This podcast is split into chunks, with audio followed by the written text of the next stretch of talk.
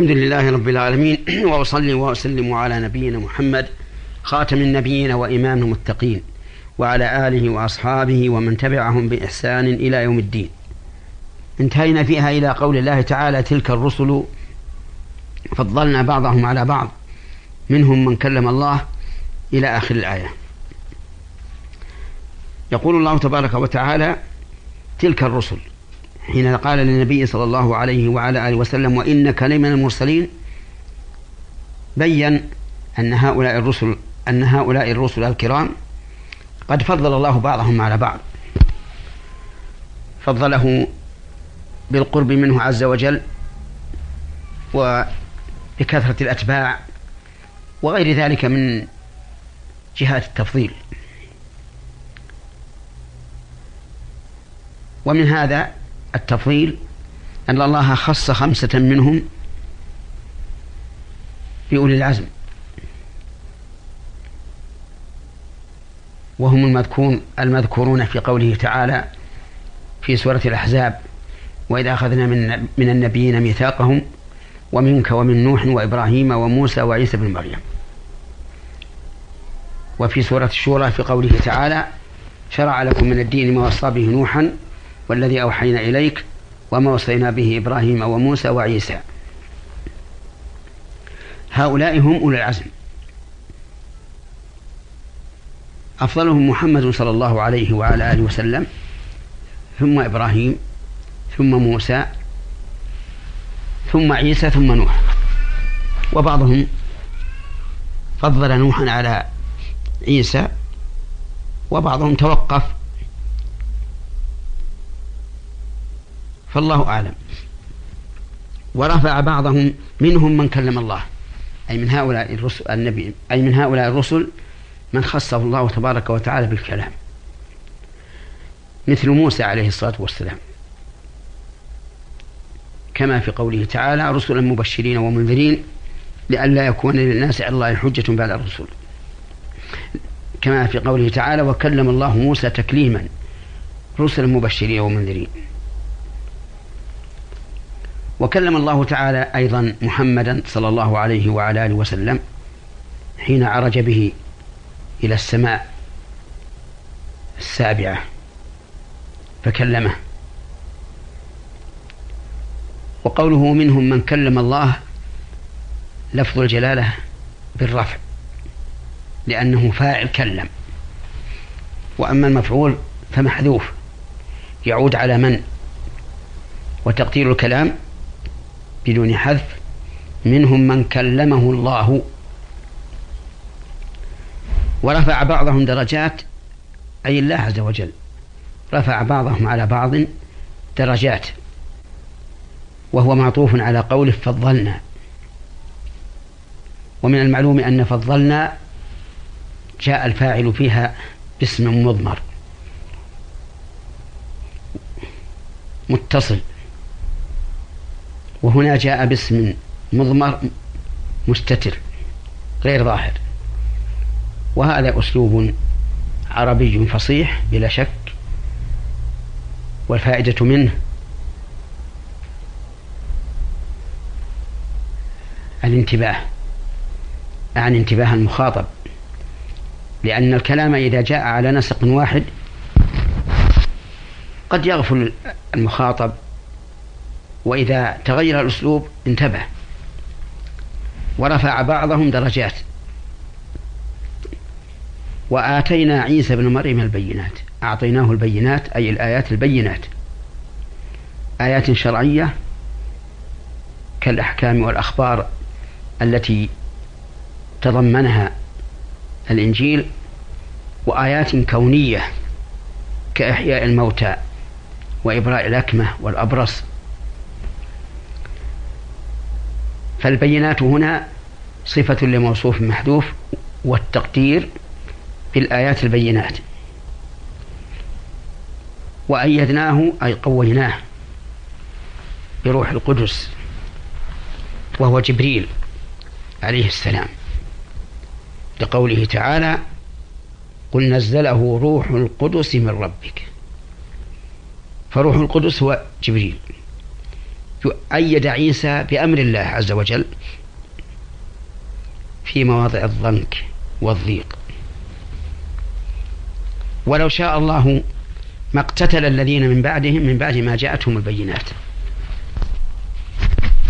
يعني لو شاء الله لجعل الذين من بعدهم على ملة واحدة وعلى دين واحد فلم يختلفوا في الدين وحينئذ لا يقتتلون ولكن اختلفوا. فمنهم من آمن ومنهم من كفر. كما في قول الله تعالى في سورة الصف فآمنت طائفة من بني إسرائيل وكفرت طائفة. ولو شاء الله ما اقتتلوا. يعني لو شاء الله تعالى أن لا يقتتلوا ما اختلفوا في الدين فلم يقتتلوا ولكن الله يفعل ما يريد.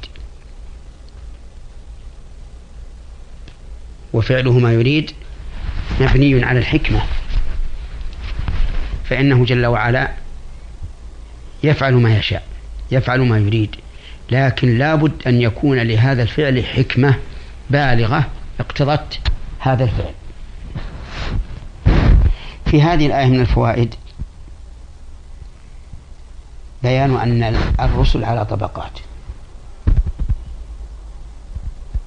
منهم من فضله الله على بعض في الدنيا ورفع ورفعه درجات في الآخرة. ومنهم ومن فوائد الآية أن الفضل بيد الله عز وجل. لقول فضلنا بعضهم على بعض. ومن فوائدها إثبات كلام الله عز وجل. وأنه تعالى يتكلم بكلام مسموع يسمعه المخاطب به. ولا يمكن سماعه إلا أن يكون بصوت. ولا يمكن فهمه إلا أن يكون بحرف. واذكر قول الله تبارك وتعالى عن موسى عليه الصلاة والسلام وناديناه من جانب الطور الأيمن وقربناه نجيا. ناديناه على بعد وقربناه على وناجيناه على قرب. قال أهل العلم المناداة للبعيد والمناجاة للقريب. ومن فوائد الآية الكريمة الرد على طائفتين مبتدعتين. الطائفة الأولى المعتزلة. الذين قالوا إن الله لا يتكلم وأن كلامه مخلوق. من جملة المخلوقات. وأن إضافته إلى الله إضافة تشريف. كإضافة المساجد إلى الله. في مثل قوله تعالى ومن أظلم ممن منع مساجد الله. وإضافة الناقة إلى الله. في قوله تعالى ناقة الله وسقياها.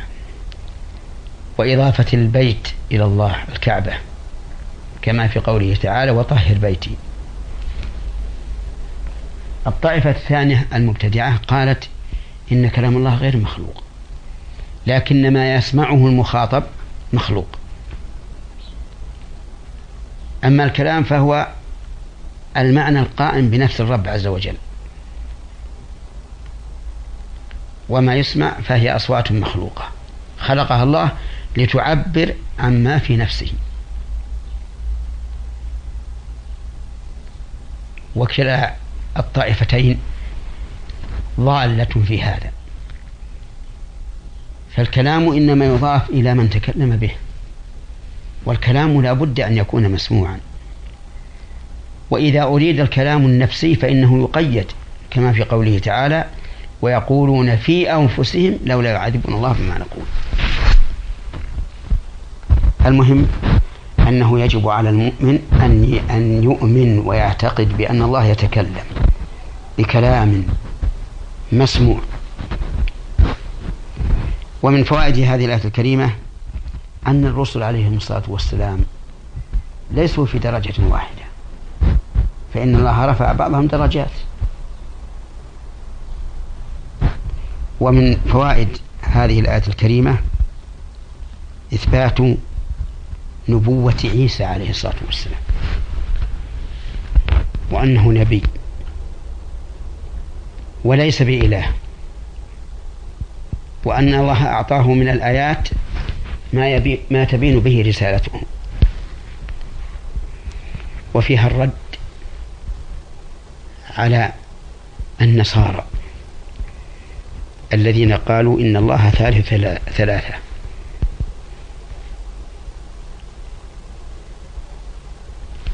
ومن فوائد هذه الآية الكريمة أن أن جبريل عليه السلام يؤيد من شاء الله أن يؤيده من عباده. كما في قوله نعم لقوله وأيدناه بروح القدس.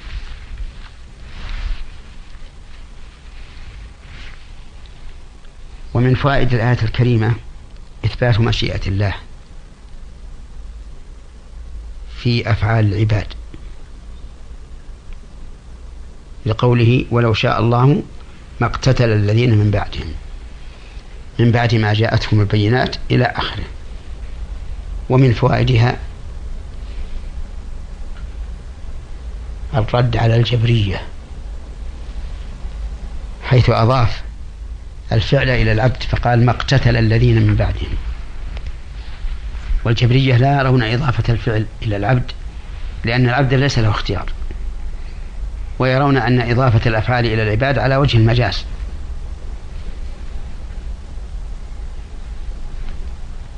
ولكن قولهم باطل بالكتاب والسنة.